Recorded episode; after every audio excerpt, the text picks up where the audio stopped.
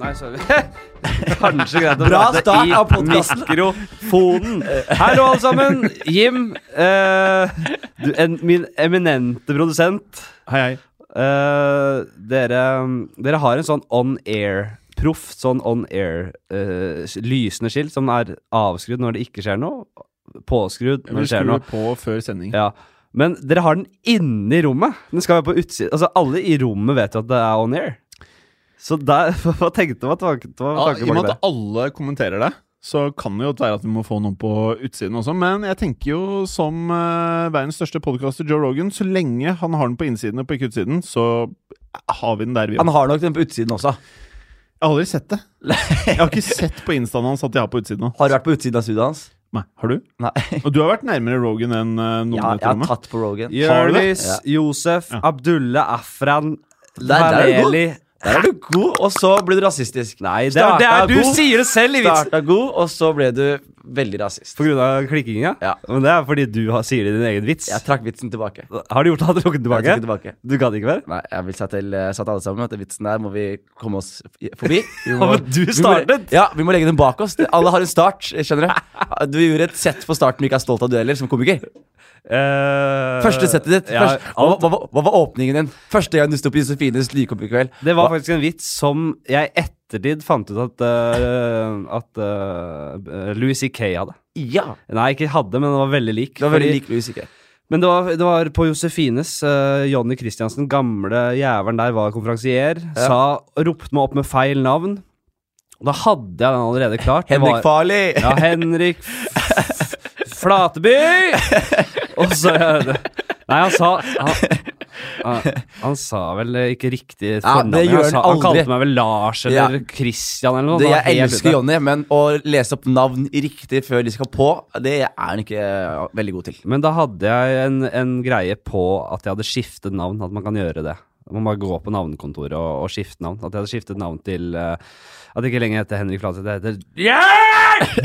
Fladseth. Det er det nye navnet mitt. Og det gjorde jeg eh, en stund, og så etter i ettertid fant jeg ut at Louis ikke hadde en sånn lignende. Når komikere var sånn pst, pst. Ja, jeg husker, jeg husker jo en som sa det. Ja. Du Louis ikke Ja, jeg syns det er jævlig kjipt på starten, fordi man er jo sånn inspirert av alt rundt seg. Mm. Skjønner du? Man er sykt inspirert av alt rundt seg. Og jeg hadde sånn derre par vitser jeg også, så var det sånn derre hm, Er dette her når jeg skrev bra vitser på starten, så var jeg sånn stolte aldri på at vitsene kom 100 fra meg. Hvis du skjønner hva jeg mener? Ja, det er, men det er, man har jo den følelsen, litt enkle følelsen Ja, sånn, jeg, jeg har hørt den vitsen her på en eller annen sitcom. Ja, det, er, men det må man gi faen i, da. Det må man drite i. ja, ja, ja, ja. Man, men uh, Jørnis, beklager at jeg starta litt rasistisk her. Du starta rasistisk og uh, uten å snakke riktig i mikrofonen. Hva slags podkast er det her? Ja, det er veldig Men har, ja, som jeg sier til uh, alle sammen der ute, så er det Det skal ikke være bra nå. Det er andre episode. Jeg te- si- tredje, fjerde sesong, da kan dere begynne å komme og klage. Da skal det, da skal det være struktur her. Da, Ja. skal, det være, da skal alt sitte.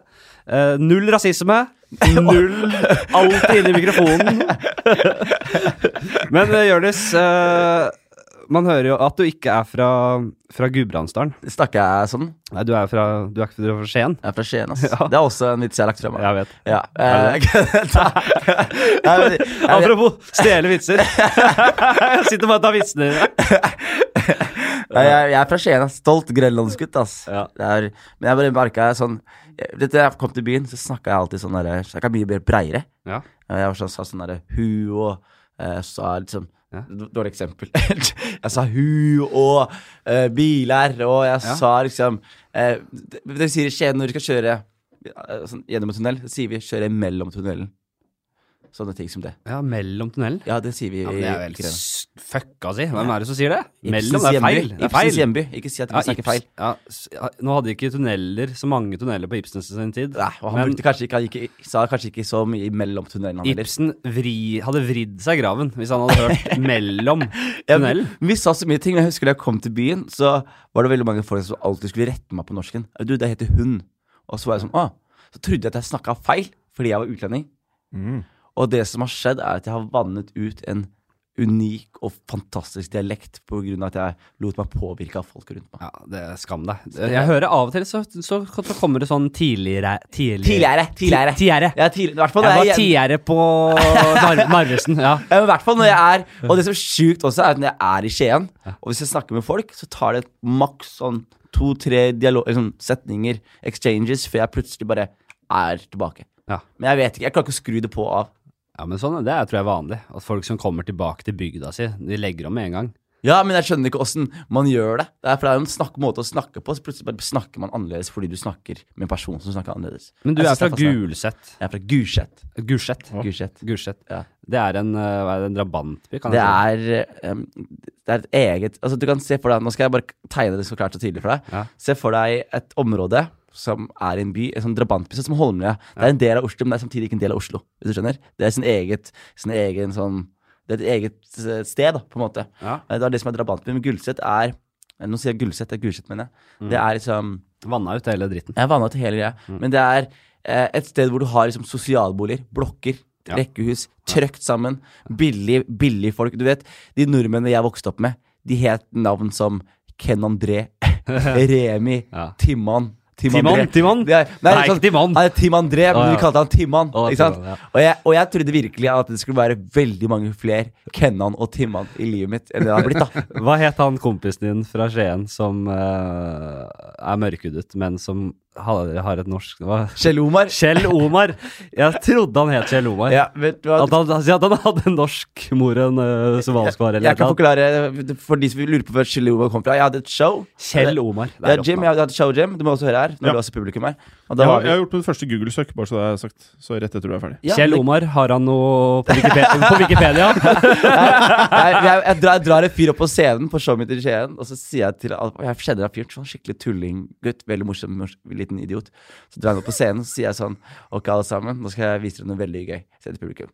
Hva heter du? Da sier jeg Mikkel til han. Så sier han Kjell Omar. Og så begynner alle å le. Og så sier jeg hvorfor heter du Kjell Omar? Så sier han Du vet, jeg kom til Norge, jeg gikk på fotball.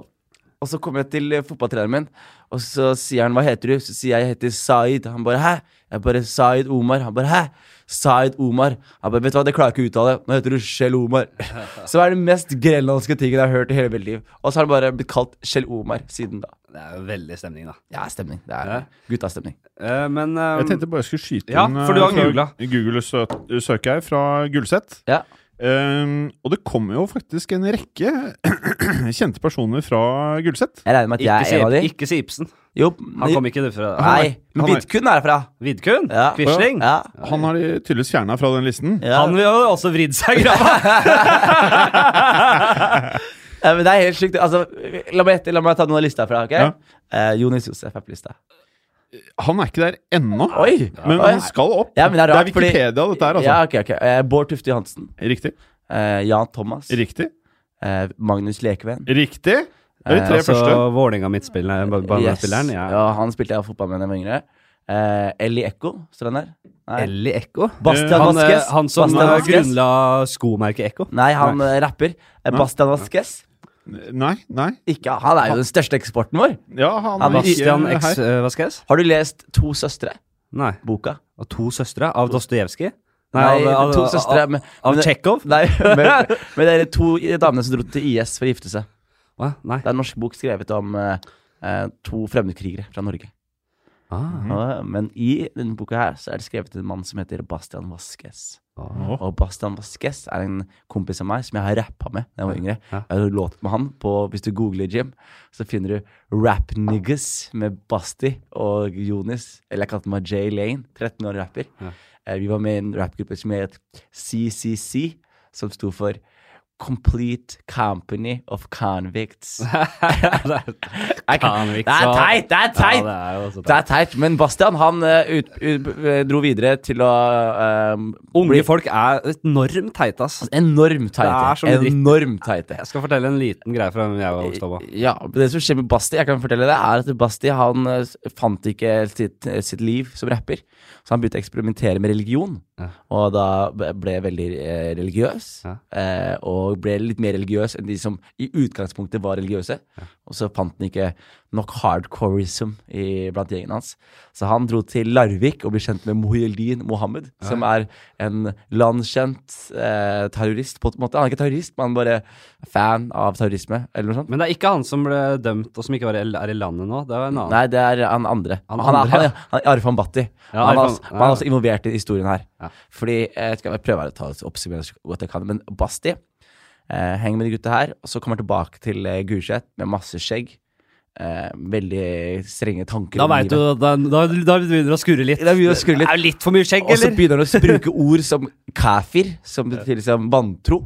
Om, om vanlige folk. Sånn, Ja. Han kunne omtale deg som Henrik før, og så plutselig nå var du liksom en av de kafir, liksom. Ja.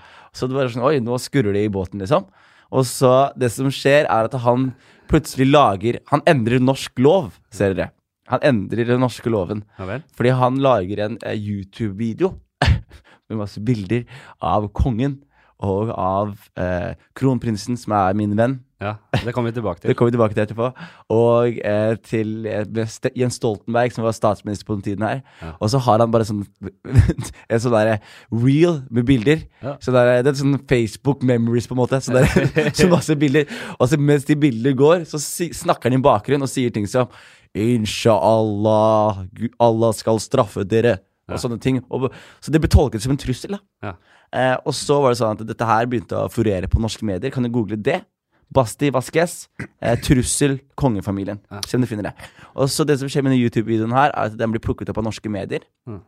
Og så blir det hausset opp.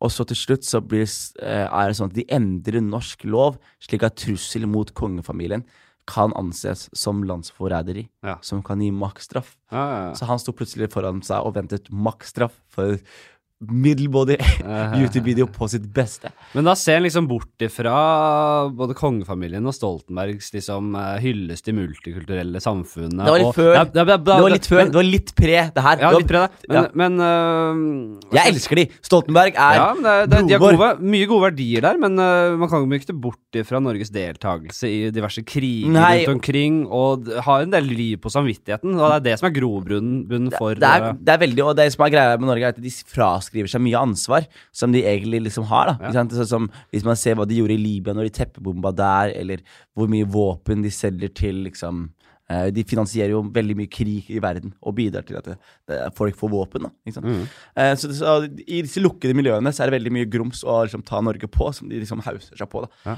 Og det som skjer, er at Basti da eh, tar med seg eh, Han gifter seg med en dame som er kona til Arfan Bhatti. Oi, han Ja. gifter seg med kona til Batti? Ja, eller det er, det er skilt med Arfan Bhatti og kona, så han gifter seg med eksen til Arfan Bhatti. Ja vel, ja. Han tar med seg Arfan, kona, eller eksen til Arfan Bhatti nå, og ungen til Syria.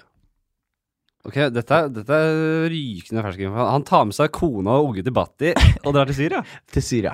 Du, det her, historien her, den er batshit crazy. Ja, jeg, kjør på! jeg skjønner ikke at vi starter på den her, for det er ikke noe vei tilbake fra Åh, hvordan går det ellers i Nei, livet men la- etterpå? Men vi vi kaller bare episoden Batti spesial. Basti spesial. Basti spesial. Basti versus Batti.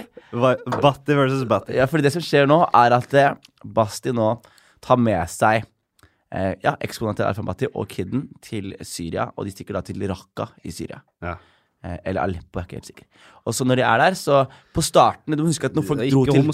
Når folk dro til ISIS Eller dro til Syria på starten for å krige, så var må du huske at folk dro ikke ned dit for å bli med i en ond terrororganisasjon.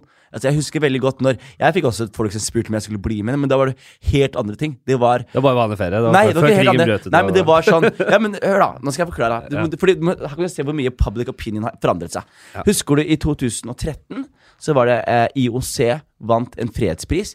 Enten, det kan du sjekke, Jim. Det er lett å søke. IOC, Fredspris. altså idretts... Uh, Nei, nei de, som anti, de, de som dreiv med og av, fant ut at. IOC, er ikke det antidoping uh... Jo, jeg tror det er det også. Nå må du google. Det var, gjør det du sa det i stad. Er det 2013. én som trenger at noen googler, så er det meg. du som Men trenger det er fakta i bånn. 2013. International Olympic Committee. Ja.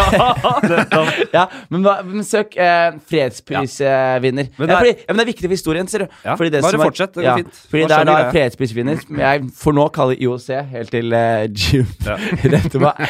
Eh, Men hva innenfor fredspris de eh, vant for at de klarte å avdekke at eh, A- A- Abbas brukte eh, biologiske våpen mot sitt eget folk. Ja. Husker jeg, det var ett år.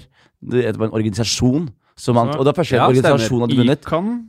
De som jobbet mot kjemiske angrep. De får prisen Ja, de for kan. sitt arbeid med å påpeke de katastrofale humanitære konsekvenser av enhver bruk av atomvåpen, Ja. over sin banebrytende innsats for å få til Riktig. Det var i fjor. Det var hun dama. Danske dama. Nei, var det i fjor? Ja. Ok, men sjekk tilbake da til 2011 eller 12 eller 13. La oss ikke henge oss opp i jo, faktisk, er formaliteter her nå. det, er faktisk Ja, men Fortell historien. Ja, Vi ja. skjønner greia. Ja, nei, vi, kan, alle, vi kan ikke være perfekte. Jo, alle kan ikke huske jo, de der eh, jo, forkortelsene i hodet. Jo, men, eh, men ok. Klarer, du- klarer du ikke bare å finne liste? liste? Jeg, ku- jeg har, liste? jo, nå har jeg listen. Ja, ok, og så 2011, Folk sitter og tripper på stolene sine her. Ja, folk, folk skjønner hvor viktig denne her er for historien. Så jeg, Så, uh, uh, 13 så er det Organisasjonen for forbud mot kjemiske våpen. hva heter de? OPCW. OPCIOC. Tomato De får prisen for deres omfattende arbeid for å avskaffe kjemiske våpen. Yes, Og det de gjorde, var at de klarte å påpeke at ah, han der statsministeren i Syria, eller diktatoren i Syria, brukte biologiske våpen mot sitt eget folk. Så det var en periode hvor hele verden var uenig med den syriske sjefen, og det var mye opprør mot han. Som vi Da mener du. Assad? Assad, ja. Skal han Ab Abbas lenge nå? Ja, Assad mente jeg. Assad. Og folk hadde liksom eh, Og det var veldig mange opprørsgrupper som ble finansiert av Vesten for, fordi det var riktig. Fordi han var en kjip fyr som brukte biologiske våpen mot, seg, mot sitt eget folk. Ja. Og det som var greia, var at det, veldig mange av de som var i Norge, dro for å kjempe for disse opprørs, opprørsgruppene. Ja, mot Og i- Assad og mot Assad. Yes. Ja. Og det var da Historien gjentar seg. Dette Yes. er jo vanlig. Og det var da Folk dro rett og slett ned da for å beskytte det syriske folk mot et brutalt regime. Mm. Og det som skjedde var at disse folkene som kjempet mot regimet, slo seg sammen og ble etter hvert ISIS. Mm. Ikke sant? Og da ble det, tok de den spinna de helt ofte. Så det er bare Han dro ned for å kjempe for greia. Ikke sant? Og det som skjer, er at han kommer ned dit Og det i seg selv er jo ikke så ille. Nei, men det som skjer, er at han er da med på ISIS på starten. Ja. Så han blir jo da, eh, siden Han var med da det var fett. han, han, han ble med fra starten når de var, når de var ja, kult. var kule. Når, når de var store og verden var sånn wow, det, det er skummelt. Og han Han ble, var bare ISIS har mye bra for seg. ja, men han ble ansatt som sånn medieansvarlig for ISIS. Han var sånn ansiktet til ISIS utad. Oh, ja. Jeg skjønner du? Han var sånn derre Når CNN kom, så var det sånn derre Snakk med han der, der Abu Safiya. Ja. Eller tidligere Bastian Vasquez. Snakk med han. Og så gikk han ut og tok med Og der er CNN-video Altså, vi hadde ikke hørt fra Basti på tre år, eller to år. Og neste som skjer, er at en kompis sier sånn Ei, ei, sjekk din video her fra Liveleak. Så ser vi en video fra Liveleak, og i den videoen fra Liveleak så er det Basti som går rundt med kamera på, i Syria, og så sier han sånn Se her, her har vi fanger. Viser sånne der eh, jasider som er fanget i et sånt fengsel. Så sier han se på de dumme folkene her som tilbyr djevelen. sier han. så lukker han greia, og jeg kødder ikke med deg. Det er det sjukeste som skjer. Han går bort, så blir han filma, så sier han sånn Inshallah, vi skal sprenge denne politistasjonen. Så ser han på politistasjonen, så ser han inn i kameraet, og så hører du sånn Push! Så sprenger politistasjonen med folk oppi. Oppi? Med inni, oppi, inni Jeg vet ikke hvilken uh, eh, eh, De bare satt og sånn. Er- du, han sprenger masse folk på opptak, og det er på YouTube. Ja. Og han står og ser inn i kameraet, og så gjør han sånn ah, Mashallah. Og det er bare Hva er mashallah? Mashallah betyr sånn Takk Gud. Ja, ta- Hva er inshallah da? Inshallah hvis Gud vil. Ja, Inshallah, inshallah er tidsbegrenset. Ja. Mashallah er en måte å takke, liksom. Så han står og springer det er som liksom uh, uh, Hva heter det? Gledejul og god jul? Mm. Nei, men han har sprengt en, han sprengt en Ja. hel politistasjon eh, på kamera. Og det er bare sånn Å, shit, han der fyren hang jeg med. Og så tar det en liten twist, fordi han blir drept av ISIS. Eh, og, Ja. og jeg kan forklare det, for det står i To søstre. Sikkert mange av lytterne som har lest boka, for den var veldig populær på en punkt. Og en norskskrevet bok. Ja, Når du sier det, så husker jeg den. Altså. Ja, og da er det sånn at han tar med seg en kone til Arfambati, som han er med, og ungen til Arfambati. Han er dårlig med barn, visstnok. Han er ikke så god med folk heller. Nei, si, Og- ja, men han ble kommunikasjonsdirektør likevel, ja. Kommunika kommunikasjonsdirektør Ja, det er veldig For IS. Ja, ja, kommunikasjonsdirektør for IS. Tenk å ha kommet tilbake og hatt det på CV-en. Vær så snill. Og kommunikasjonsdirektør. Jeg var kommunikasjonsdirektør for en oppholdsformende organisasjon. I, men uansett, så eh, Han eh, ba, driver og banker kona og sånne ting. Eh, Det er dårlig stil. Ja, det, så jeg blir ikke sjokkert her. Nei, for han, han driver og banker kona mye.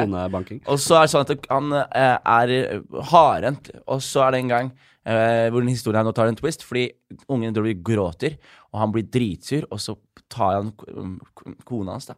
ut av huset. Og det er bare quote jeg boka. Tar den ut av huset, luk, låser døra, og så hører, gr- hører kona gråting oppe. Gråting, gråting, gråting. gråting Og plutselig så er det stille. Ja. Så han har da drept babyen. Ja.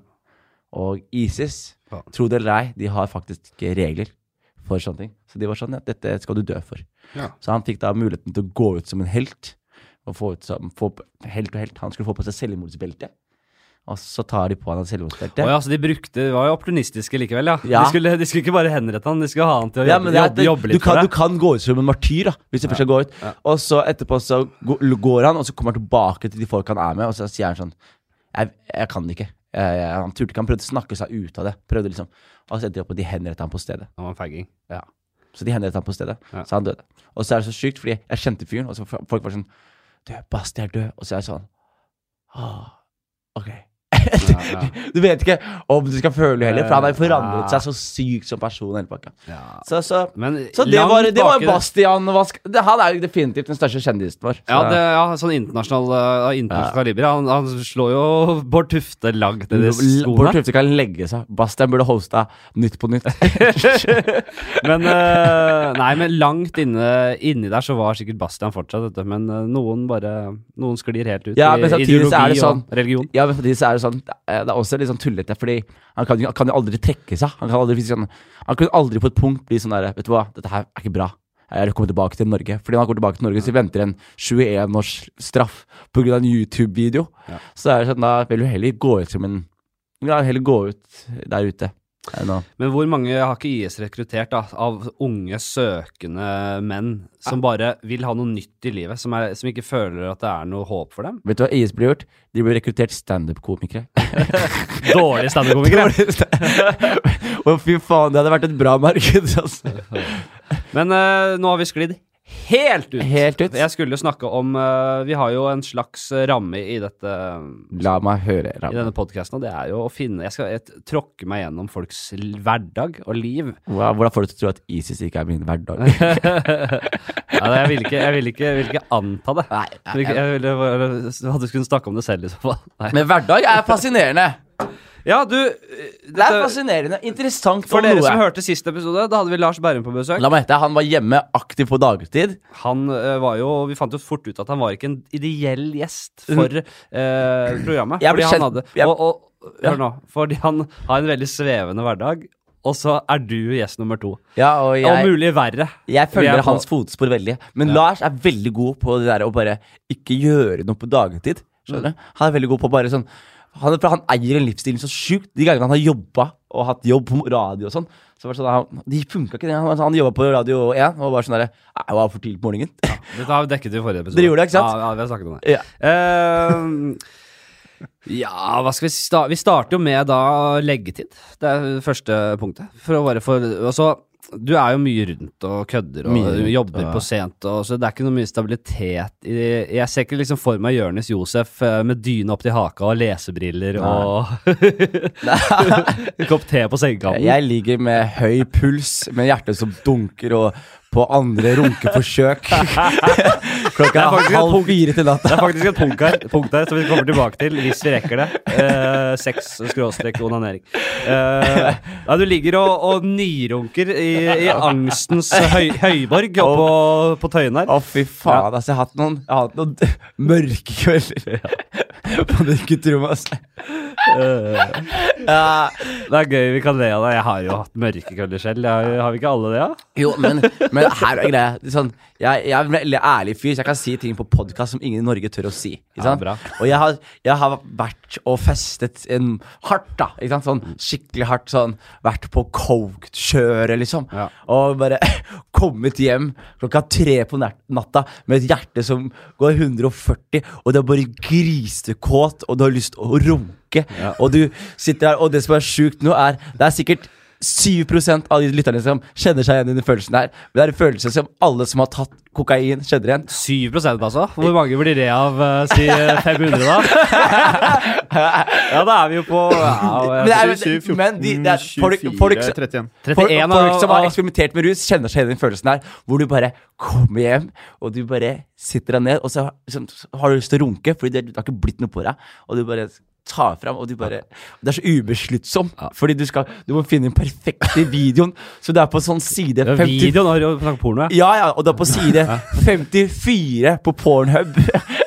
Og du bare begynner i video, så er det sånn ah, Ikke denne! Og så plutselig har du sittet i to timer og bare banka pikken brutalt. Dette kommer du dårlig ut av innledningsvis. Ja, 25 lyttere. Stryk på første punkt. ja, så Ditt gris. ja, så jeg, det er ikke sånn at jeg legger meg sånn hver dag, hvis det er hverdagen, men jeg vil bare si jeg har hatt noen mørke kvelder. Ja, og jeg vil bare sette lista der, slik at vi vet liksom hva Jeg beundrer og respekterer åpenheten din. Eh, Jeg tror, mange, jeg tror vi skal over 7% Jeg tror vi skal øh, gått opp på 30-tallet.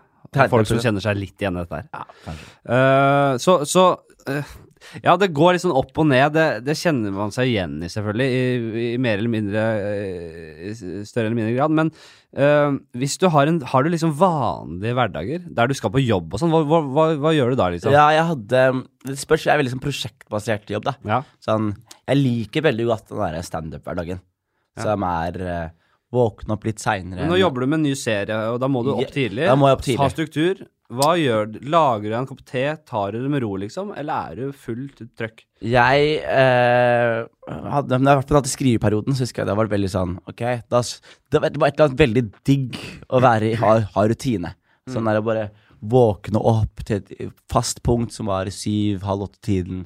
Og så var det å lage seg en liten frokost. Men ja, da havregrøt, liksom. Sånn Ja. der, jeg kan ikke spise for mye bullshit på Ja, morgenen. vi kommer til frokost Ja. senere. Ikke Ja. Jeg vet ikke, hvordan, jeg vet, hvordan jeg skal, vet ikke hvordan vi skal ta det, men, jeg, men da våkner jeg ofte Hvis jeg har mye å gjøre, så våkner jeg ofte litt sånn bra og en periode. Og jeg merker alltid sånn Å, det er da jeg fungerer best som menneske. Ja. Men det er ikke det jeg liker. Nei, men er det ikke deilig, da? Jeg er også litt sånn, jeg har fått nok av å å våkne seint og ha dårlig samvittighet for at jeg kaster bort dagen. Og jeg, jeg drar mindre ut fordi jeg setter så pris på det å våkne opp og være litt sharp. da Kunne liksom sette pris på ting uten å være klein og jævlig. Jeg vet det, men jeg, ja, men jeg har også en sånn greie nå at jeg, jeg er blitt litt udødelig. Skjønner du? Sånn, Ja. sånn jeg Du, kan er- du er herda, ja. Ja, men jeg, det er helt sjukt. Sånn, hvis jeg er ute og drikker liksom, I går kveld jeg drakk Ja. masse, Ja. og så la jeg meg med noen fernet-shots, og så bare Så la jeg meg, og så våkna jeg opp i dag, så Fyllesyke bare har slutta sånn Ja. Kroppen min har slutta å si ifra. Sånn der, du, jeg har prøvd å si ifra at det her er ikke en måte å leve på. Du tar ikke hintet.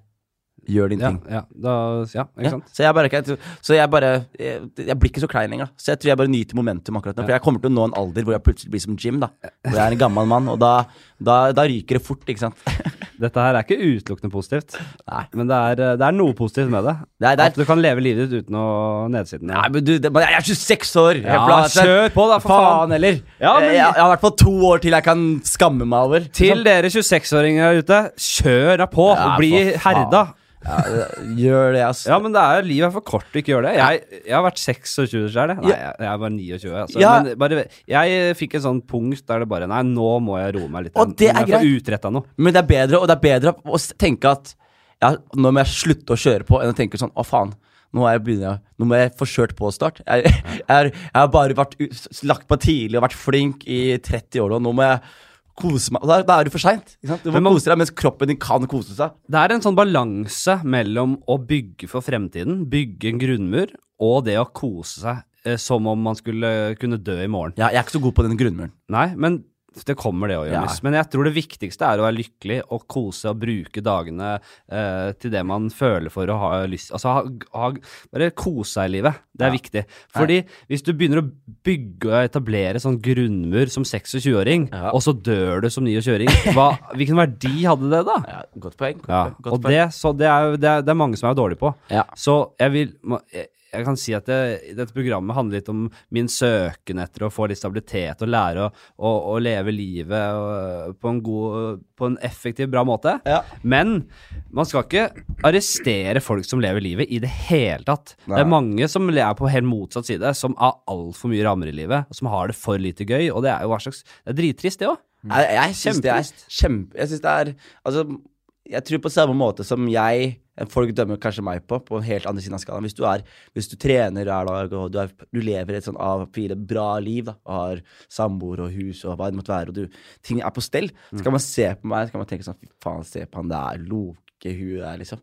Mens jeg ser på de, da, og tenker sånn Fy faen, så jævla Kjedelig. kjedelig. Å, du skal sikkert hjem og se på Gullrekka i kveld og spise taco, du. Ja. Vet du hva jeg skal gjøre? Jeg skal prøve å ligge med 19-åringer igjen. jeg. Så- Fy faen.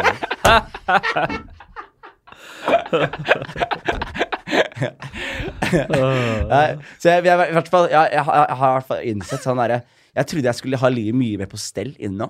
siden jeg er 26 år, jeg tror jeg skulle ha livet mye mer på stell. Men så tenker jeg bare sånn Nja. Det er ikke, det er ikke meninga. Det, det, det er ikke helt meninga. Og jeg lever som standup-komiker, og jeg liker også, det, forel- det høres tullete ut nå, Ja. men jeg forelsker meg veldig i det derre surrete livet.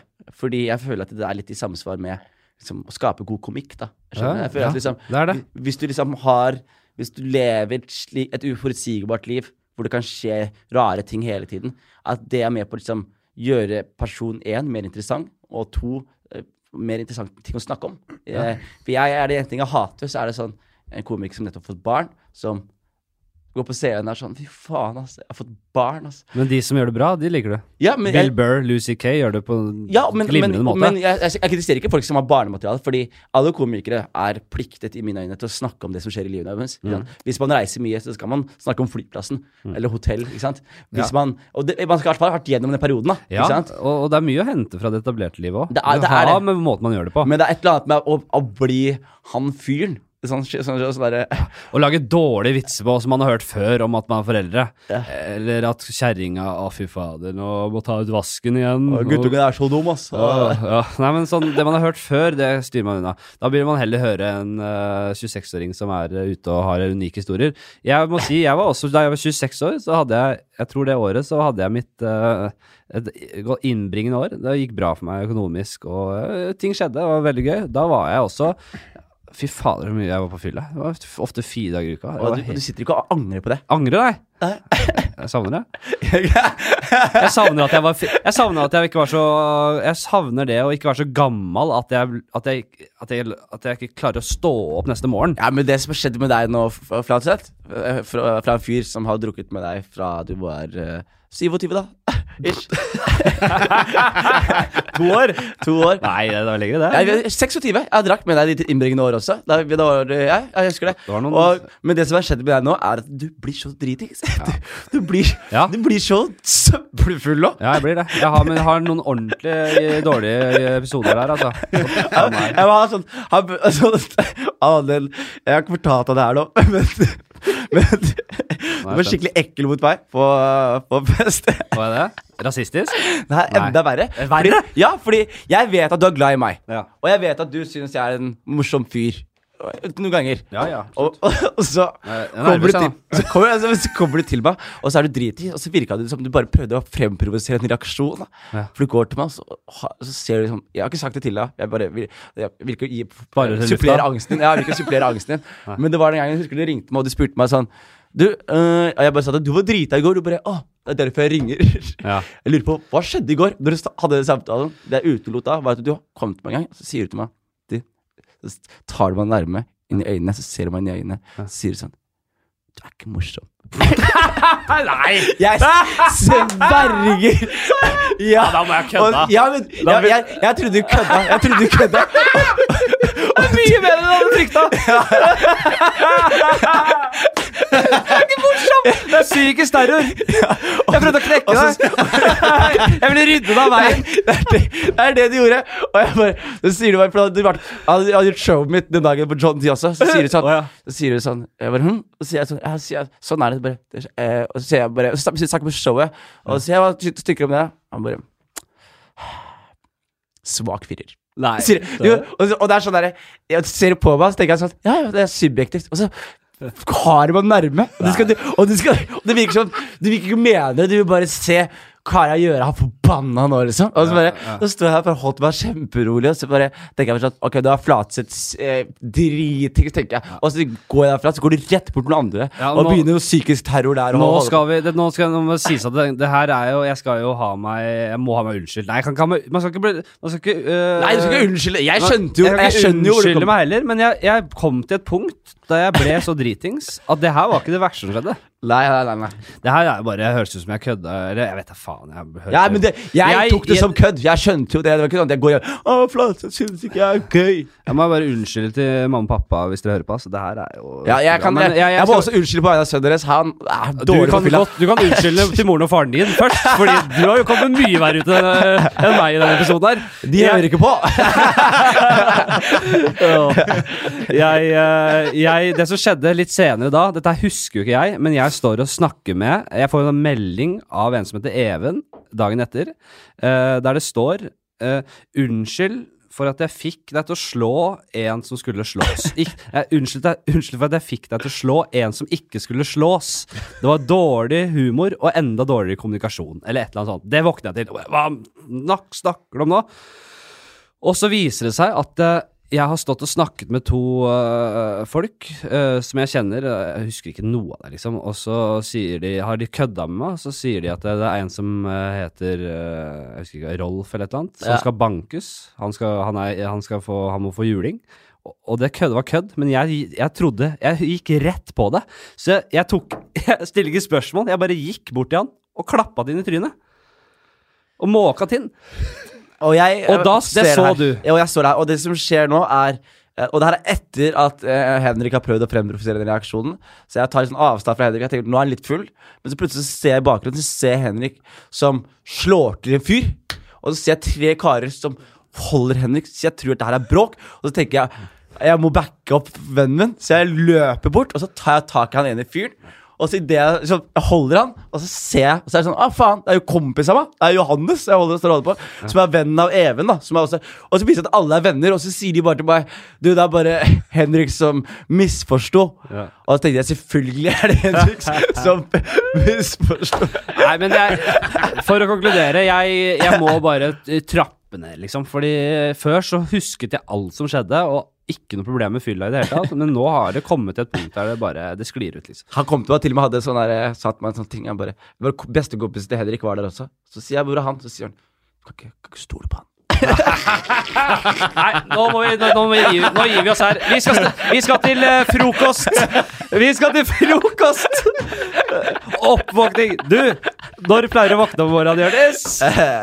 Jeg våkner eh, Jeg våkner når jeg må våkne. Ja. Faktisk, det er, det og det, Hvis jeg ikke må våkne, så Ryddig svar. Ja, men det, er- faktisk jeg, Hvis jeg må våkne opp tidlig, så klarer jeg det, liksom. Men jeg foretrekker å våkne, våkne seinere enn andre. Jeg liker og tanken av at klokka er 11 nå, det er folk på jobb. Nå er jeg hjemme og eh, vurderer og onanerer eller ikke, liksom. For det, for det, det gir deg ikke dårlig samvittighet. Nei, det gir meg veldig god samvittighet. At jeg jobber så hardt at jeg kan leve den, den livsstilen der. Ja, for du føler Hva, hva er liksom hardt arbeid for deg, da? Hardt arbeid for meg, det er Er det å fortelle prompvitser på en pub, og så er det that's it? Liksom? Nei, men eh, det som er litt gøy, er å bare gjøre standup er ikke hardt arbeid. Ikke sant? Men for min del så er det sånn Jeg, jeg gjør standup, jeg jobber med den TV-serien, jeg gjør radio, jeg gjør pod, jeg blir med på andres podder, Ja. jeg skriver med andre, jeg har styrer min egen karriere, så jeg driver og svarer på mailer, og jeg skriver, og jeg holder på, og jeg holder på. Og, og når du plutselig gjør alt det greiene her, Ja. så er det så mye forskjellige ting å gjøre. Og man merker liksom at det er Altså i arbeidsdagene mine, selv om jeg våkner seinere enn eh, folk flest, da, så er det sånn Jeg jobber jo litt hele dagen min. Ja. Skjønner du? Sånn, he, jeg jobber jo litt hele Til og med når sånn, andre folk kan gå hjem og si sånn Nå er jeg ferdig på jobb. Den luksusen der har ikke jeg. Ikke sant? Når jeg er ferdig på jobb, så er det hjemme, og så er det fortsatt en e-post her, eller glemme å ta en telefon der, eller innom den standup-klubben der, eller hva det måtte være. da. Og det er deilig når du føler at du utretter noe. Ja. Og det har, det har jeg til, i perioder, så har jeg føler at jeg utretter masse. Mm. uh, men uh, jeg har hatt mange timer i livet mitt, i hvert fall sånn fra jeg begynte med standup og opp til liksom sånn, ja, 26 år. Da gjorde jeg ikke en dritt. Altså, da følte jeg bare, da fløt jeg bare på et sånn slags talent. En sånn slags uh, At jeg følte det gikk litt av seg selv. Eh, Jeg jobba ikke i nærheten av hardt nok, Mm. Ja. men jeg begynte etter hvert å bare våkne 10-11 og bare ha skikkelig dårlig samvittighet. Ja. Uh, og det, men det, har- det har du sikkert følt på selv. Ja, men, men samtidig For vi snakka om Lars, men jeg tror jeg føler mer på det her enn dere to. Ja, jeg tror du føler mer på det enn meg også, fordi jeg eh, tenker én ting er at jeg jobbet jo Jeg hadde jo en fast jobb før jeg begynte med standup. Ja. Så da hadde Aksjemegler? Det var aksjemegler. Det var da jeg møtte deg. Kom du på en sånn uh, scene jeg drev i den stramme dressen? Ja visst, det var på, Ed, på smelteverket. Ja. Og det var da den vitsen uh, din kom med at du er den eneste Somalier med dress som ikke, som ikke er for- altfor stor. Ja. ja, ja, ja. Og så altså Dag Sørås uh, Da er jeg bekjent med Dag Sørås også. Og da Mm. sa han at han digga en vits jeg hadde, som jeg ikke visste at jeg tok. Ja. Da, da sa jeg, For jeg snakka om cannabis, og så sier jeg sånn eh, Jeg røyker cannabis, sier jeg. Og så skal jeg, jeg det feil, men så sier jeg sånn Jeg røyker cannabis i ny og ne i hverdagen, sier jeg. Ja. og han bare Den vitsen her, den digga jeg. Jeg var sånn? Var det Og så bare Å, jeg må, da, må jeg, da må jeg bruke den fra nå av. Jeg husker jeg bare var så jævlig stoka på Dag, syns jeg var fet. Det er sånn man lærer etter hvert, å, å, å ha en god radar på hva som er faktisk er gøy. Ja. For man legger ofte vekk ting. Så man tenker seg at det holder ikke i det hele tatt. Men det holder i massevis. Det er masse å bygge på der. Og så eh, Ja. Nå Ja. ringer dama mi Ja. i 100. Er, det- går det greit, eller? Sier, Vent, da. Hallo? Hallo? Nå er du på Nå er du på lufta. Du er på lufta. Nei, nei, oi, men jeg har jo nesten skrudd av volumet. Hei, Hei, hei. Ja. går fint. Si hei til lytterne. Hei, Oda! Hallo, Oda. Hei, så koselig. Det var da voldsomt til eh, Det var da voldsomt til Masa. Vi sitter og Ja, jeg maser fordi at jeg skal lage aspargesuppe. ah. Her uh, The old ball in chains. Her er det etablert. Nei, nei, nå ringer flere! Nå ringer det flere. Nå, vent da, nei, nå ringer flere. Hallo? Ja, nå er det på Nå er det, nå er det gruppesamtale her. Nei, hallo, ja. Nei, nå ringer Nå la Oda på. Nei, nå jeg, vi Hvem er det? Det er Magnus Trygstad. Å, halla, Magnus! Vi, vi, holder, vi er midt i en podkast, og nå er du på lufta, ass. Ja, så gøy, da. Vi er i nye leiligheten, vi. Er det nye leiligheten, ja? Ja, dere tar over i dag, dere. Ja, gratulerer, da. Tar over ny leilighet i dag. Gratulerer. Oi, I, I jaså. samme blokka som meg. Oi! Ja. Oi. Er Friends, eller? Friends. Det er Friends. Det blir Friends, ass. Friends. Men eh, vi må- jeg må Ja. Superkjapt spørsmål. Hvor er det man kaster søppel? Hvor man kaster Jeg føler meg nedprioritert som gjest når jeg Ja, jeg også googler. Jeg pleier å kaste det bare ut av vinduet, altså. Det er. Rett ut verandaen. Ja. Nei, du, det får du finne ut av selv. Det her blir for dumt. Les faen meg instruksene. Ha det. Helt latterlig, vet du. Aspargesuppe og hvor Jeg skjønner det. Livet er for kort til å få de greiene her. Altså. Ja, men det er hyggelig. Hyggelig oppgang nå. Ja, det er veldig hyggelig.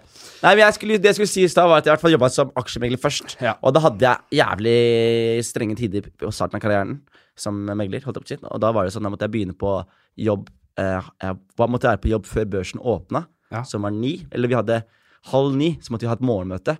Men jeg måtte være forberedt til morgenmøtet.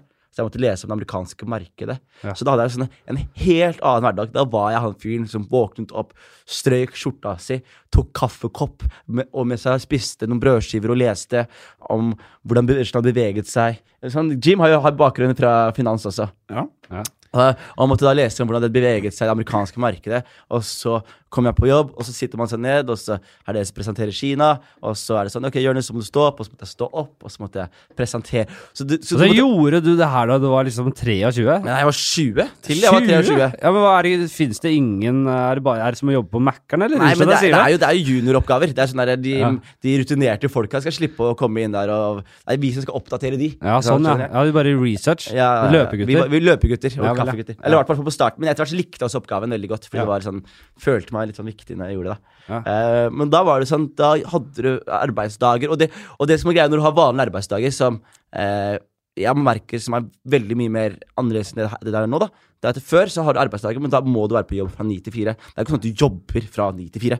Du, du er på jobb, og så første timen så sitter du bare og loker litt på Facebook, og så tar du noen telefoner fra ti til elleve, og så mellom elleve og tolv er det lunsj, og så jobber du litt igjen. Fra Så tar du til fyller en liten whisky. ja, og så går du på Ja. dass og driter lenge, og bare går på dass hele tiden. Spille spill på do. Spille, sp det var mye spilling på do, ass. Ja, så også, får du salg, Ja, og så kommer sjefen og- bare Du, ut på, vi går opp på taket, ta en sigar. Ja, men så, og så stenger børsen, og så er det Min beste selger. ja, og, så st- og så stenger børsen, og så går du hjem, og så sitter du ikke hjemme og liksom ringer noe mer. Eller Du er ferdig! Du er ferdig. Ja. Ikke sant? Og du må gjøre klart dagen etterpå. Og det, det var for meg også en mye mer ineffektiv hverdag. Ja. Du skjønner, Fordi du kommer hjem, og så skrur du av dagen din. Og så er det bare sånn Nå er det bare å Nå skal jeg bare bruke opp dagen til, til neste dag. Mens nå, når jeg driver med standup nå, så er det liksom jeg, føl, jeg liker veldig godt følelsen av å kunne være litt kreativ hele tiden. Og kunne gjøre småting hele tiden. Og få et innfall. Kunne ringe noen. Hei, skal vi gjøre det her? Bla, bla, bla. Skal vi ta en kaffe? Skrive det greiene der. Har en idé. Utfor, den. Pitcher noen greier. Jeg syns det er mye mer Det kler meg mye mer som person da, å Er leve sånn. er ikke det deilig liv? Jo. Men det har altså vært målet mitt i alle år, er å bare kunne leve på den måten her. Og så trenger jeg ikke ha så mye penger, liksom. Jeg bare har lyst til å kunne finansiere det sånn cirka det livet jeg har nå. Kanskje få litt mer penger i kassa. Jeg har lyst på Gjertsen-penger. Ja, du vil ha Gjertsen-penger. Jeg vil ha Gjertsen-penger. Men er, hvor viktig er det for deg, da? Det er ikke så viktig. Det er som jeg sa, jeg fikk jo en jævlig feit kontrakt på slutten av jobben. For jeg var jævlig god på det jeg Ja, drev med. ja. Så de tilbød meg en eh, stor kontrakt mot at jeg liksom prioriterte jobben. Mm. Over standup, da, for det tok så mye tid av det jeg drev med. og sånn. Jeg jobba på Flexitid på slutten også. Ja. Eh, og da valgte jeg heller å gå fulltid standup-komiker Ja. Enn å tjene bra som finansmann. For det må være en balanse der. Altså, hvis, du, hvis du kan kose deg masse i livet og tjene greit, så er det mye bedre Ja, enn å ikke kose seg. jeg tjente ikke greit engang. Jeg tjente under greit. Jeg hadde, sånn, jeg, hadde 3000 kroner per firmajobb gjorde, og så var jeg ikke den mest lukrative på Jo, men du kan ikke forvente å gå inn og tjene masse penger i standup. Det tar jo mange år. Du, man må bygge seg opp, men jeg, jeg syns det er et eller annet å bare kaste seg ut i det. Ja. Leve fattig, og Ja. heller leve fattig som komiker enn å leve rik som eh, finansmann. Første året da jeg begynte å leve eller skulle leve av standup, da, bodde jeg- da hadde jeg slått opp med eksen min og flytta ut et sånt hus vi bodde på oppe på Nordstrand. Eh, som vi lånte, for så vidt. da Men uh, uansett, flytta ned til et kollektiv uh, i byen. Et rottereir. Så hy hyggelige folk, forresten. Eller for, for så vidt. Men det var bare Jeg bodde på et kott, altså. Det var to-tre kvadratmeter mellom de to, mellom kjøkkenet og stua, fellesrommene. En natt så våkna jeg at, eh, av knullelyder. Bare ordentlig. Så det var som om det lå noen ved siden av meg og hadde sex. Og bare Er det noe porno som bare er her på her, eller hva er det som skjer? Altså, Hvorfor er jeg kåt nå, liksom? Hva skjer? ja, hva, er det, hva er dette her for noe? Og så må jeg gå ut i stua, og der ligger det to og har sex. Som har, laga seg sånn litt sånn elskovsrede. Dratt sofaene våre sammen til sånn her dobbeltseng inntil pappveggen min. Og lå der og bare hamra løs inn mot veggen. Og jeg våkna av folk hadde sånne samtaler inne på kjøkkenet. Det var som å ha alle i rommet mitt. da Ja. Det her var uh, Var det gøy? ja, det var gøy tid, men også jeg var sånn Hadde morsomt til tider, og så var det sånn at jeg lå i fosterstilling og grein til søvn av og til, fordi det var stusslig, men det var Altså, det føltes Jeg tenkte sånn der Her kommer jeg til å Har du grått i fosterstilling før? Ja, ja.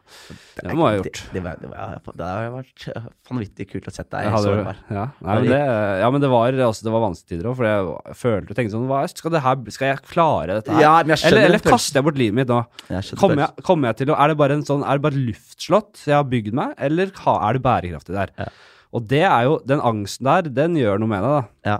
Og det har jeg for, kjenner jeg fortsatt på til tider. Jeg, jeg, gidder ikke å, jeg gidder ikke å være faen meg eh, Å gå ut der og underholde, underholde massene med sånn derre Med det de vil ha. Sånn derre mainstream humor. Jeg vil ikke det. Nei. Så er det bærekraftig, liksom? Hva, er det surret her? Er det, er, kan jeg tjene, tjene penger på disse tingene jeg vil gjøre, da? Det gir meg litt angst. Men jeg, men jeg synes også det, det som er litt kult med Fordi når man gjør standup, det er en jævlig spesiell ting som vi to er så heldige å kunne få, få, få gjøre. Mm. Så er det sånn at når man, når man først gjør det dritbra, eh, som jeg føler at vi begge to gjør, så er det sånn at man blir presentert med jævlig mye muligheter som er utenom å stå på scenen og snakke til en liten forsamling. Man får plutselig muligheten til å liksom, bli med på et radioprogram, eller lage et radioprogram. Man får muligheten til å skrive på TV-program, eller lage et TV-program. Man får muligheten til å skrive for andre. Man får muligheten til å eh, podde. Man får muligheten til å reise på turné. Altså, det, er, det er så mye man kan gjøre. Og jeg har merka nå, sist, nå, sånn siste halvåret, eh, så har jeg endelig slutta å bli litt sånn der halvveis bekymra for fremtiden. For jeg bare tenker at liksom, det er så mye forskjellig bra å gjøre. Og, det er, og jeg har utviklet så mange ferdigheter at jeg er trygg. Jeg er trygg uansett. Ja. Og i aller, aller, aller, aller, aller, aller, aller, aller verste fall så kan jeg forlate dette tullete livet og få meg en vanlig jobb. Ja. Liksom. Så det er sånn der, det er en, og, det, og når den tryggheten legger seg i bunn, da, så er det jævlig digg. For da er man For det er et eller annet skummelt med å liksom alltid være sånn der Å, jeg vet ikke om jeg tjener nok penger neste måned. Jeg vet ikke om jeg tjener nok penger neste måned. Ja. Jeg vet ikke om jeg tjener mye på, ass. ja, og det kjenner man på, i hvert fall når vi lever frilans som vi gjør. da Ja. Men jeg merker at nå er det første gang at jeg bare er sånn derre ah, Ordner seg uansett, liksom. Ja, men det er, det er ikke lett å liksom binde seg til en vanlig jobb i dette frilanslivet. For da er du forpliktet til å møte opp på den jobben, og plutselig dukker det opp et fett prosjekt som kan være karrieredefinerende,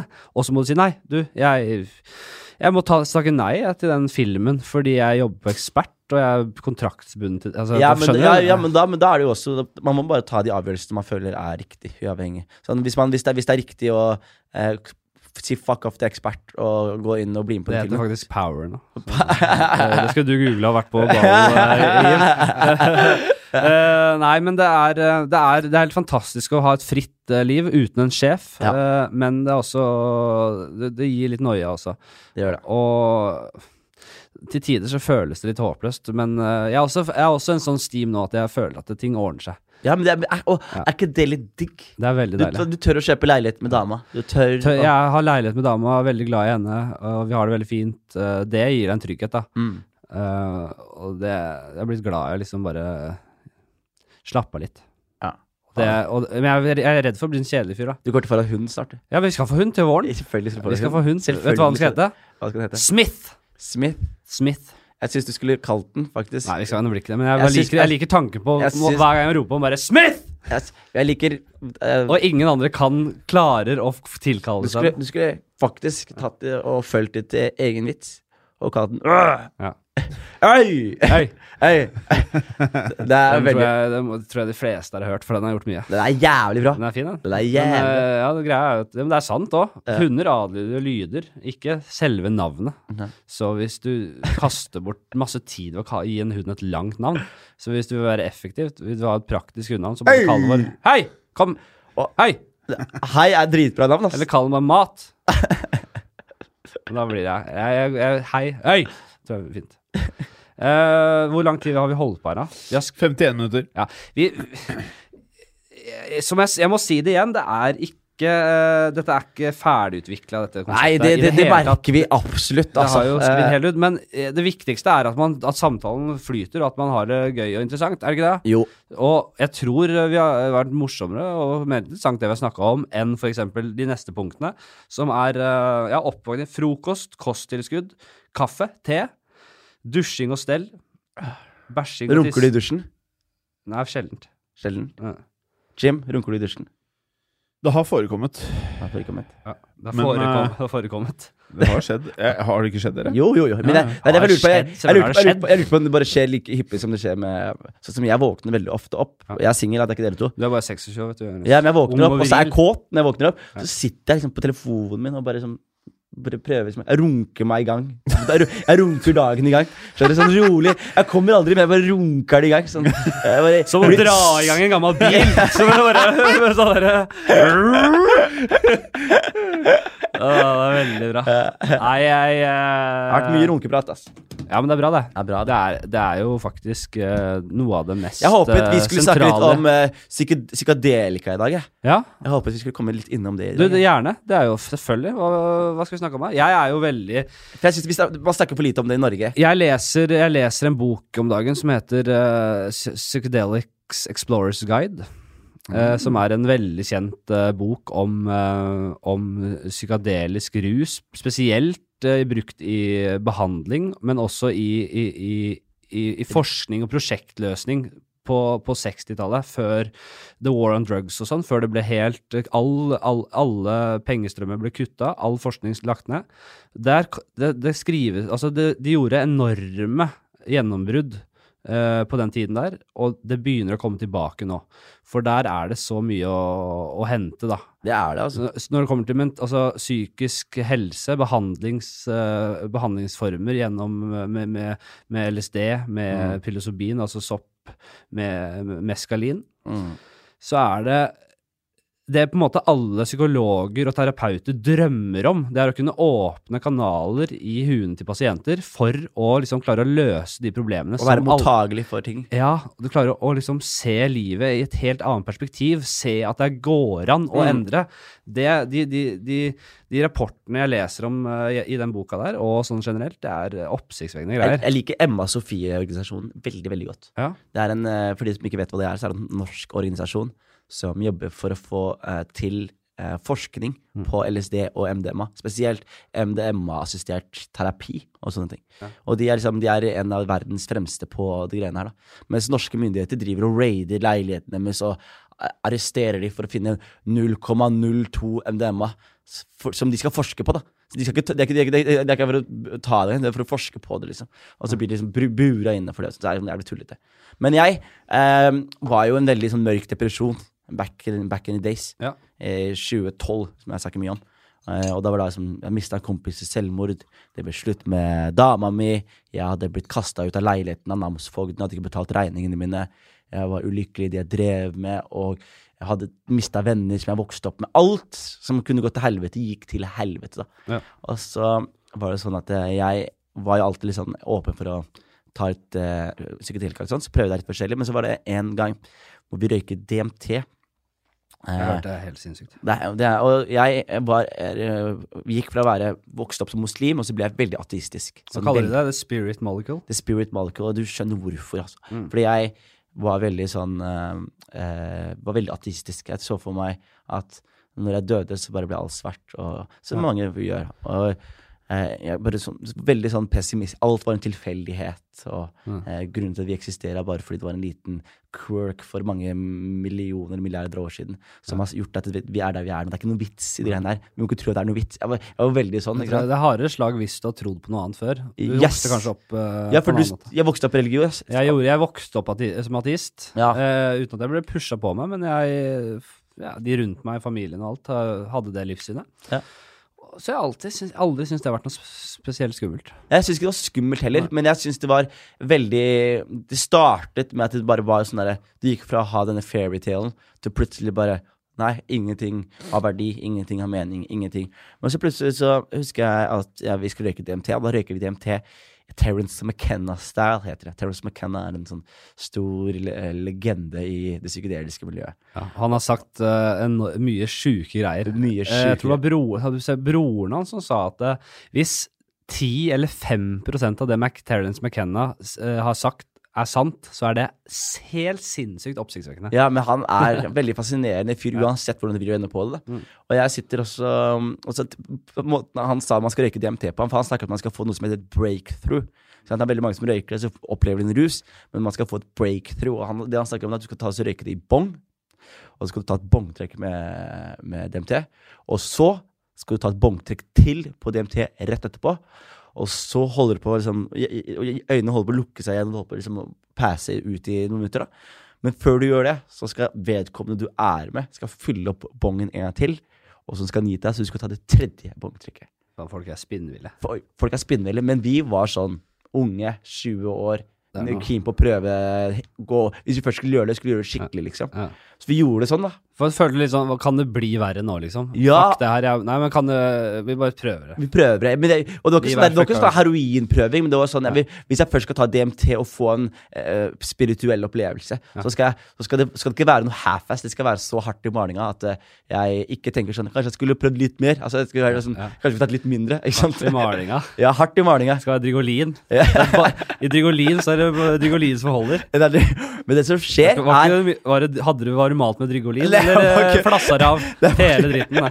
Men det som skjer, er idet jeg tar det tredje trekket, så øynene mine bare klistrer seg igjen, og jeg bare faller ned i senga, og det bare føles ut som noe bare forlater hjernen min i lysets hastighet. Jeg kødder ikke. Det er den mest absurde følelsen du har, hvor jeg blir trøkt ned i puta mi, Ja. og du bare hører, du hører sånn lyd, sånn Og det som ettertid, var at jeg beskrev det her så godt jeg kunne, og så leser jeg på internett, og alle som har gått gjennom samme greia, beskriver det på samme måte. Det høres så sykt skummelt ut, Det høres sykt skummelt ut. og så fascinerende. Men det som skjer, er at du får en ut av deg sjæl-opplevelse per definisjon. Og du bare merker at hvis det er noe som heter sjel, hvis det er noe som heter the self, at du bare forlater greia i ly... Og du hører sånn Og du bare går gjennom farger, farger, farger, farger, og til slutt så hører du bare sånn Det lyden blir bare skarpere og skarpere. Sånn, og til slutt er det sånn Og da fikk du den break, fikk jeg den breakthroughen som eh, Terence McKenna snakka om. Og da er man på et sted, rett og slett, da, som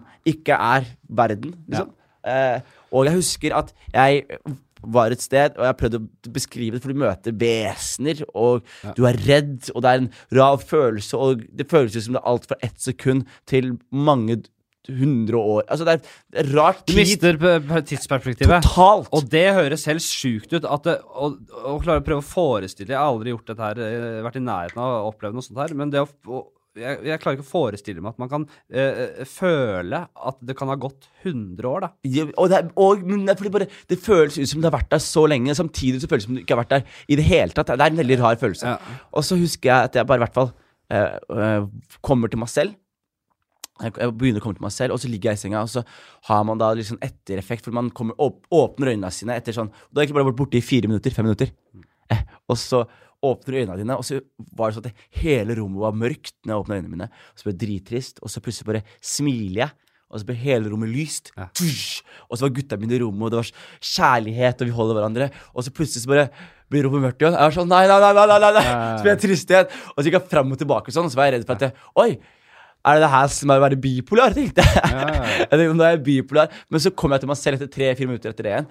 Og etter det her så husker jeg at jeg tenkte sånn Oh shit, liksom. Det er Én, det er noe som er større enn meg, som fins.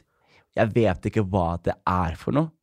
Og det er greit. Ja. Skjønner du? Ja, men jeg, jeg, trenger ikke, jeg trenger ikke å ha fasitsvar på det. Det er greit. Det, det er der. Og jeg fikk en sånn følelse når jeg tok DMT som mange beskriver som en nær døden-opplevelse. Og i hodet mitt så tenker jeg sånn Det kan fort være det som skjer dagen man dør. At Mm. du går gjennom prosessen jeg gikk gjennom, bare at det er permanent. da Men jeg bare husker i hvert fall at jeg tenkte sånn Det er et eller annet som er større enn meg, og jeg vet ikke hva det er.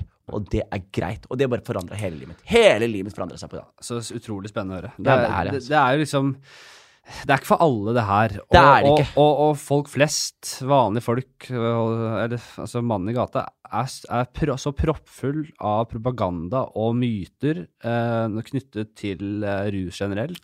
Så de tar, de tar kokain, heroin, eh, psykadelisk rus eh, under én eh, Feirer under ett teppe. Eller hva faen, det er sikkert ikke riktig å si, men eh, Og jeg tror man også er mange er redde fordi de tenker at det her kan jeg aldri gjøre. Og derfor, derfor trykker jeg det ned og sier at det er galt. Men det er jo helt åpenbart når man hører alle disse historiene at det, hvis man virkelig sliter, så finnes det en løsning i dette her. Og jeg syns ikke Jeg vil ikke oppfordre noen til å gjøre dette aleine eller med kompiser, som du sier at du gjør det nå, men det å kunne øh, gjøre det assistert, altså med fagpersonell, med psykologer og terapeuter, som hjelper deg gjennom og, og gir deg eh, eh, rådgiver deg underveis, det tror jeg kan være mye å hente. Jeg tror også at du undervurderer liksom eh, hvor eh, For det er så mye forskjellige typer psykedelika, da. Men for eksempel å ta sopp, da. Det er en veldig sånn spirituell og fin opplevelse. Å kunne ta sopp med vennene sine i skauen, Ja, ja, det- det er jo en Nå, det er forskjell på sopp og DMT, Det, Jonis. det er det. det, er det, det er uh, uh, jeg, uh, jeg vil bare Jeg har aldri vært spirituell. Nei. Selv om jeg kanskje har åpnet litt noen dører de siste årene, så, så er jeg veldig eh, rasjonell, jeg må si det. Ja. Og jeg er også rasjonell når det kommer til eh, psykadelisk rus. Du sier at det, det må være noe mer mellom himmel og jord. Det er helt åpenbart, fordi universet er så, etter alle solemerker uendelig. Bare Ja. smak på det begrepet. Uendelig. Hva faen? Selvfølgelig er det mye mellom himmel og jord. Ja. Bare mørk materie, som er 80 av alt som finnes rundt oss. Det Ja. vet vi ikke hva det er. Vi ser det ikke, vi aner ikke hva det er. Nei. Så selvfølgelig er det mye mer Det er energi mellom himmel og jord som vi ikke skjønner. Men dette med psykadelisk rus, det du opplever, det trenger ikke å være noen ens kraft, en guddommelighet som Nei. viser deg noe. Men det som Altså, hjernen er gjennom evolusjonen bare trent opp til å se nøyaktig altså, små, uh, bitte lite bilde av hele greia. Mm. Vi er trent opp til å se, uh, se ting sånn som vi ser det nå. Men når du tar, får i deg det svineriet der, da, Mm.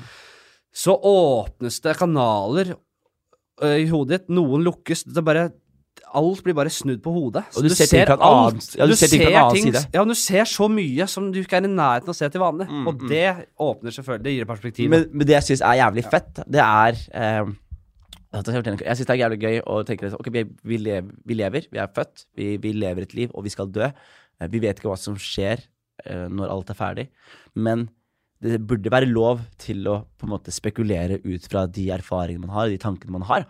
Og jeg syns det er in ingenting mer interessant enn å liksom spørre folk hva tror du skjer. Og hva tror du skjer når du dør? For det sier litt om hva slags livssyn folk har, og hvordan de lever. Og jeg har en sånn teori som jeg liker veldig veldig godt. Og Kan jeg presentere den for deg, Henrik? Ja, vær så. Ok. Og igjen, det er bare sånn Jeg liker å tro. Fordi det, det, jeg tror at livssynet ditt påvirker veldig hvordan du lever. da. Og jeg tror sånn det, når, du, når man lever et liv, da, hver gang du legger deg, hver gang du får å sove, så drømmer du. ikke sant? Og i drømmeverdenen så er det da basert på erfaringene du har akkumulert i livet ditt så langt. Eh, Scener du har sett, ansikter du har sett, opplevelser du har opplevd. Det er, dette er en kombinasjon av dette her, en cocktail av det her, det blir drømmene dine. Og du kan aldri drømme noe du aldri har sett. For det er ikke sånn drømmer funker. Drømmer er basert på ting, erfaringer du har hatt. da, sant? Og det vil si at liksom hvis du lever et bra liv, og du er en snill fyr, så snakker man ofte om at ah, vedkommende sover godt om nettene. Og hvis du har vært i krig og gjort forferdelige ting, så er det posttraumatisk stress, og det er mareritt, og det er forferdelige ting. Og jeg liker å tro den tanken her da, om at det, den dagen du dør, så ender du opp som Gud i din egen drøm. Og for the rest of your life. Om utgangspunktet da har vært at du var en forferdelig fyr, mm. vel, da ender du opp i det religiøse folk kaller helvete. Har du vært en god fyr, så ender du opp i det som religiøse folk kaller himmelen. Men utgangspunktet setter du selv ut fra hva slags gjerninger du har gjort, og hva slags person du er gjennom livet.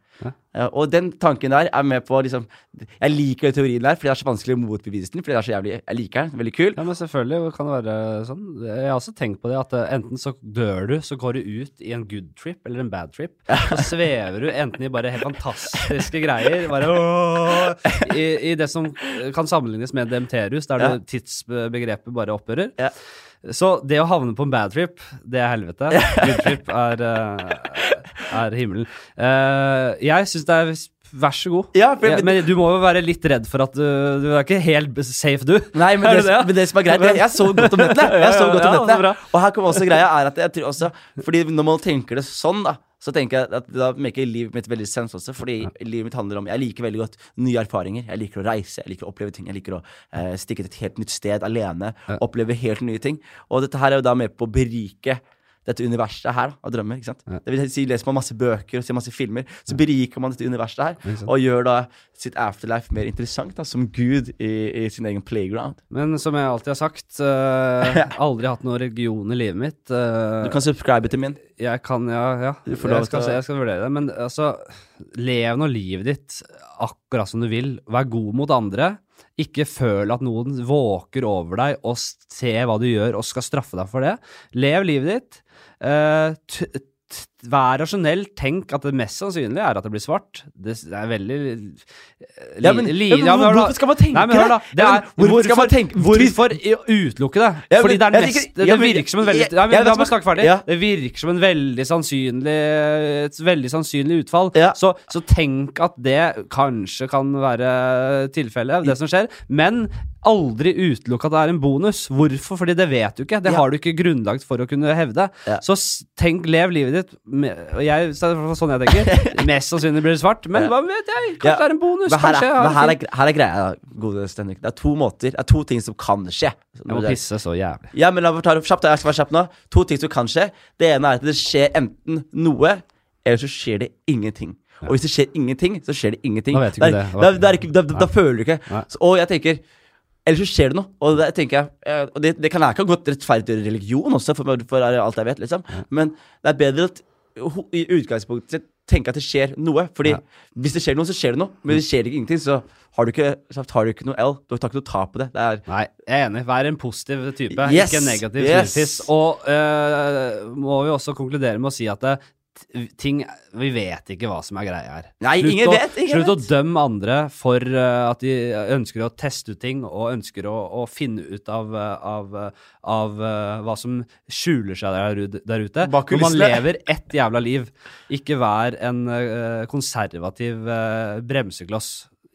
Du kan dømme folk hvis de er slemme, onde, kjipe mot andre, men ikke døm dem for at de utforsker eh, og, og leve livet sitt. Uh, vi skal fader meg snakke mer, vi, Jonis. Du kommer tilbake. Du, jeg gjør det. Når vi, vi kommer tilbake til podkasten er mindre rasistisk og mer inn i mikrofonen. Ja, uh, vi gjør det. Tusen takk for at du hørte på. Vi snakkes uh, snart. Takk, takk! Hei, hei.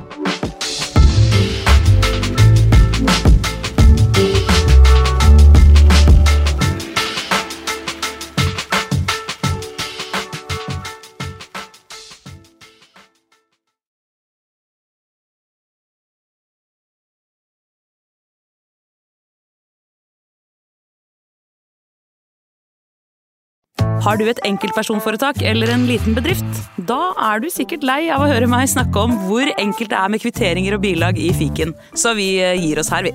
Fordi vi liker enkelt. Fiken superenkelt regnskap.